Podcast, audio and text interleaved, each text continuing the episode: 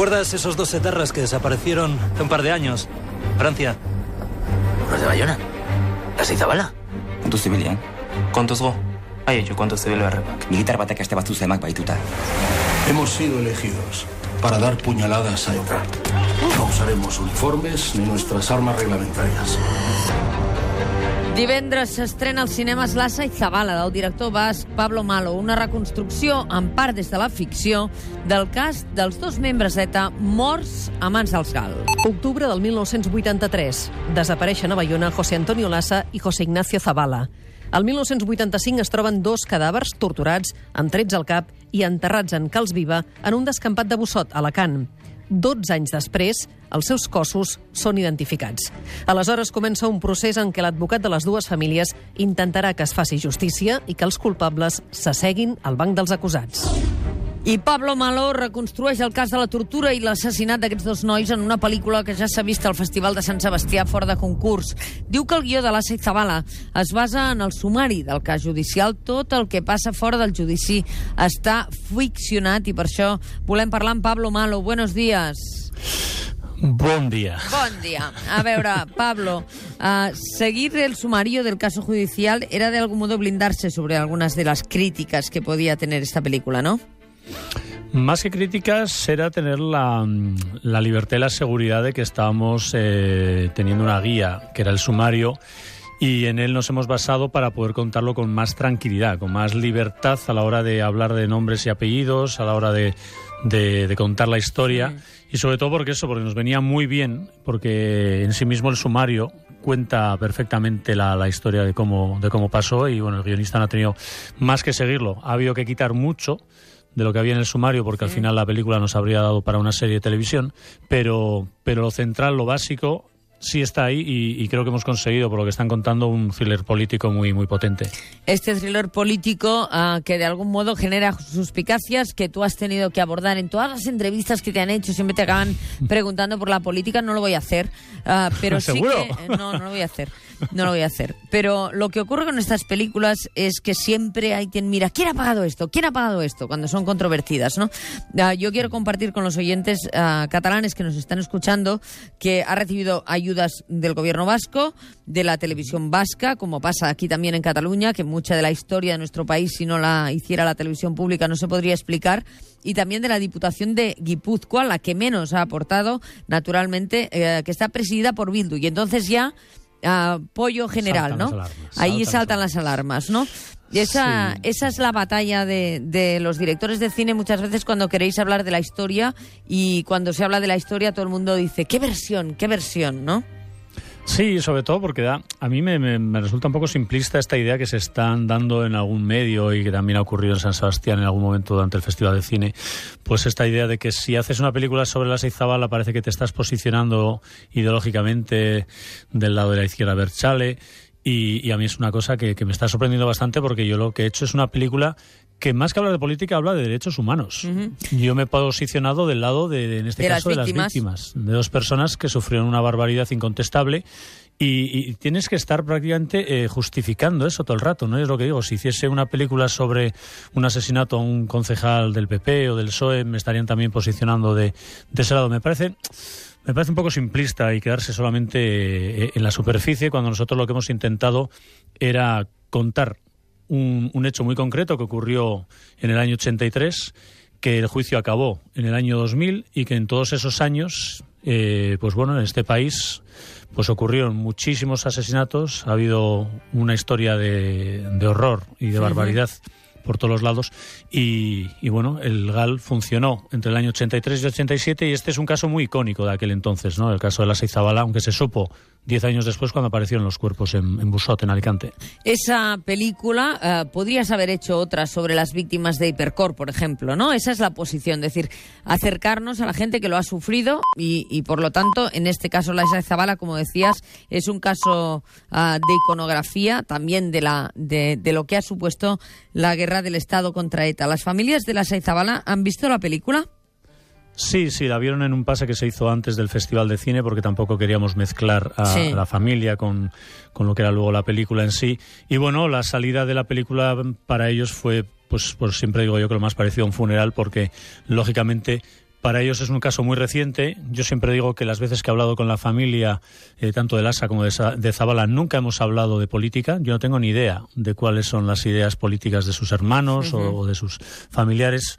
Y, y hemos hablado únicamente de, de una historia traumática para ellos, que les va a acompañar siempre. Y, y siempre he resaltado que nunca hemos hablado ni nunca he oído hablar a ellos de nada que tenga que ver ni con la venganza, ni con la revancha, ni con el, el odio, ni nada que tenga que ver con eso. Ellos eh, se han centrado siempre únicamente en hablar de, de la pérdida de un, de un familiar de forma tan traumática. ¿no? La Zabala solo era posible ahora, hacerla ahora. ¿Te planteaste el momento cuándo surgió ese proyecto?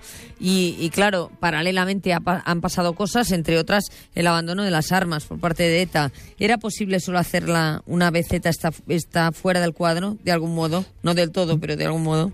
Yo creo que era el, el- el único momento. De hecho, este proyecto me llega a mí, es un encargo, y me llega porque el productor y el guionista ya barajaban la posibilidad hace como cuatro o cinco años de hacer una película sobre, sobre este tema, pero en aquel entonces, lógicamente, no se podía. Y ahora, afortunadamente, que ya no existe la violencia y que estamos seguros que es algo que no va a volver a ocurrir, esperemos, eh, pues era el momento. Pero sigue dándose la, la casualidad, o bueno, la coincidencia de que los extremos siguen estando muy alejados todavía, ¿no? Yo creo que, que es muy reciente todo, lógicamente, las heridas siguen abiertas, como no puede ser de otra manera, ¿no? Porque esto, esto para la gente que lo ha sufrido por un lado y por el otro, esto no, no, no va a acabar nunca y, y hay que tener en cuenta ese tipo de cosas, ¿no? Todavía estamos con la memoria histórica de la guerra civil como para no estar hablando ahora de, de- del sufrimiento del que se ha generado durante tantísimos años, ¿no? Con, con el, en el País Vasco. Pablo, ah, tú has tenido, ahora decías, he cogido el sumario y, y he tenido que cortar por algún sitio porque si no hubiera hecho una serie, decías. Ah, Sí. Para que no haya suspicacia sobre este tema, ¿has tenido acceso a alguna información que no te hayas atrevido a contar en la película? Muchas.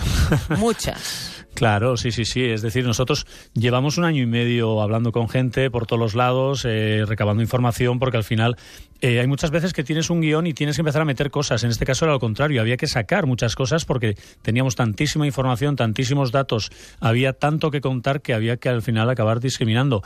Y, y nos hemos tenido que basar en el sumario precisamente por eso, porque necesitábamos esa guía.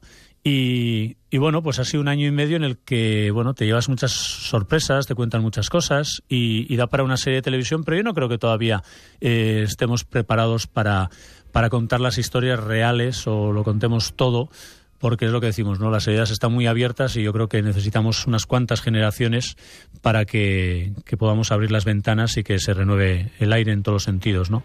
Pablo, una de las yo- cosas también Mm. la edad de los dos protagonistas, ¿no? De Lasa y Zabala, 20 añitos. O sea, lo que te hizo reflexionar el hecho de que esos dos chavales ah, pasaran por eso, pero también lo que, lo que les había llevado al entorno, ¿no? Claro, estos chavales eh, tenían un atraco a un banco con 18 años y bueno, fueron más o menos descubiertos y pasaron a Francia y llevaban dos años allí. Y, y esto ocurrió cuando ellos tenían 20 años Mm. y, y las personas que en aquel entonces que participaron en esto por el otro lado, vamos a decir, También tenían 23. los torturadores condenados también jóvenes, ¿no? Claro, es gente que ahora mismo tiene cincuenta y tantos años, exce- excepto Galindo que tiene 76 o 78. Sí, sí. tienes Pero que Enrique. Dorado y Felipe Bayo... tienes- 23 y 26 23 y tenían en aquel 26. entonces, sí. Entonces, es una cosa que a, a mí me chocó muchísimo cuando, cuando la, la comprobé. Y, y es una cosa en la que quise incidir. Por eso los chavales me han dicho que jovencitos son los actores que hacen. Y dices, ya, es que yo he visto fotos de, de- de días antes o una semana antes de ser secuestrados y lo que ves son dos críos de 20 años machacados por otros dos chavales de 23 y 26 y bueno, algún año más de los que andaban por allí, pero te das cuenta que es una historia de odio y violencia entre gente muy, muy joven, ¿no? Ujú. Ahí tenemos a algunos actores ah, catalanes que seguro que a, als oients ah, del Matí de Catalunya Ràdio el sona, a Oriol Vila, que fa de Felipe Bayo, precisament, i a Francesc Corella, que es Enrique Rodríguez Galindo. Am, Estupendos. supongo que, que difícil también ah, poner a gente que no ha vivido lo que significa todo ese proceso, ponerlos en la piel de sus personajes, ¿no? Yo me he quedado encantado con todo el reparto. Hay que, re- hay que decir que son 56 actores y, y el equilibrio entre actores vascos y actores de, de fuera, eh, es- yo creo, y así lo están contando, que ha sido o que está muy conseguido. Y aparte está Sergi Calleja, está Pep Tosar, es decir, de Cataluña hay... Hay unos cuantos. tenéis unos actorazos espectaculares y bueno, el trabajo de, de ellos, eh, por, en concreto ahora que estamos hablando para Cataluña, ha sido espectacular y yo les estoy muy, muy agradecido porque ellos han dado todo. Está Ricard Sales también. Sí. Y, y yo creo que el trabajo de ellos es, es muy, muy, muy meritorio. Yo Pablo, una pregunta que me hacía cuando pensaba en vuestra película. ¿Has tenido actores que te han dicho no quiero, no quiero participar? Sí. Sí, ha habido un par de casos. Lo que ocurre, como sabían que estaba yo en el proyecto y que yo, eh, bueno, políticamente no, no, no iba a hacer, y lo tuvimos muy claro desde el principio, no íbamos a hacer ni un panfleto, ni la película está llena de discursos políticos, ni cosas de estas que no tienen ningún sentido y la película no tiene nada que ver con eso. Sí había algún actor que me decía, ya, pero es que tema, este tema es delicadísimo. Sí, y, sí. ¿Y cómo se va a tratar? Porque esto es... Y, y hubo un par de actores que solamente me lo comentaron y que no pudieron estar en la película porque tenían otros, otros trabajos en ese momento, pero, pero realmente todos los que les íbamos planteando el tema iban leyendo el guion, se apuntaban sin, sin ningún problema, sobre todo por lo que es, es lo que estamos diciendo. Es una película sobre derechos humanos. No estamos haciendo una película que sea utilizada, como suelo decir yo, como arma arrojadiza. Porque yo no me habría metido un año y medio de mi vida con el productor y con el guionista para hacer una película que pueda ser utilizada precisamente para todo lo sí, contrario, ¿no? sí, sí. Y menos en Y- medio del proceso, ¿no? Claro, por, por supuesto. O sea, que yo creo que la gente vaya al cine a ver un thriller político basado en un hecho real, pero que, que no vayan buscando nada más allá porque realmente no lo hay. Es una historia hablando de, de- de- de un hecho brutal que ocurrió en este país hace 30 años. ¿no? Pablo, ¿pudiste filmar en el Palacio de la Cumbre de San Sebastián, que es donde se practicaron las torturas? No. No. A ver, el Palacio de la Cumbre en estos momentos vive el subdelegado del gobierno del País Vasco.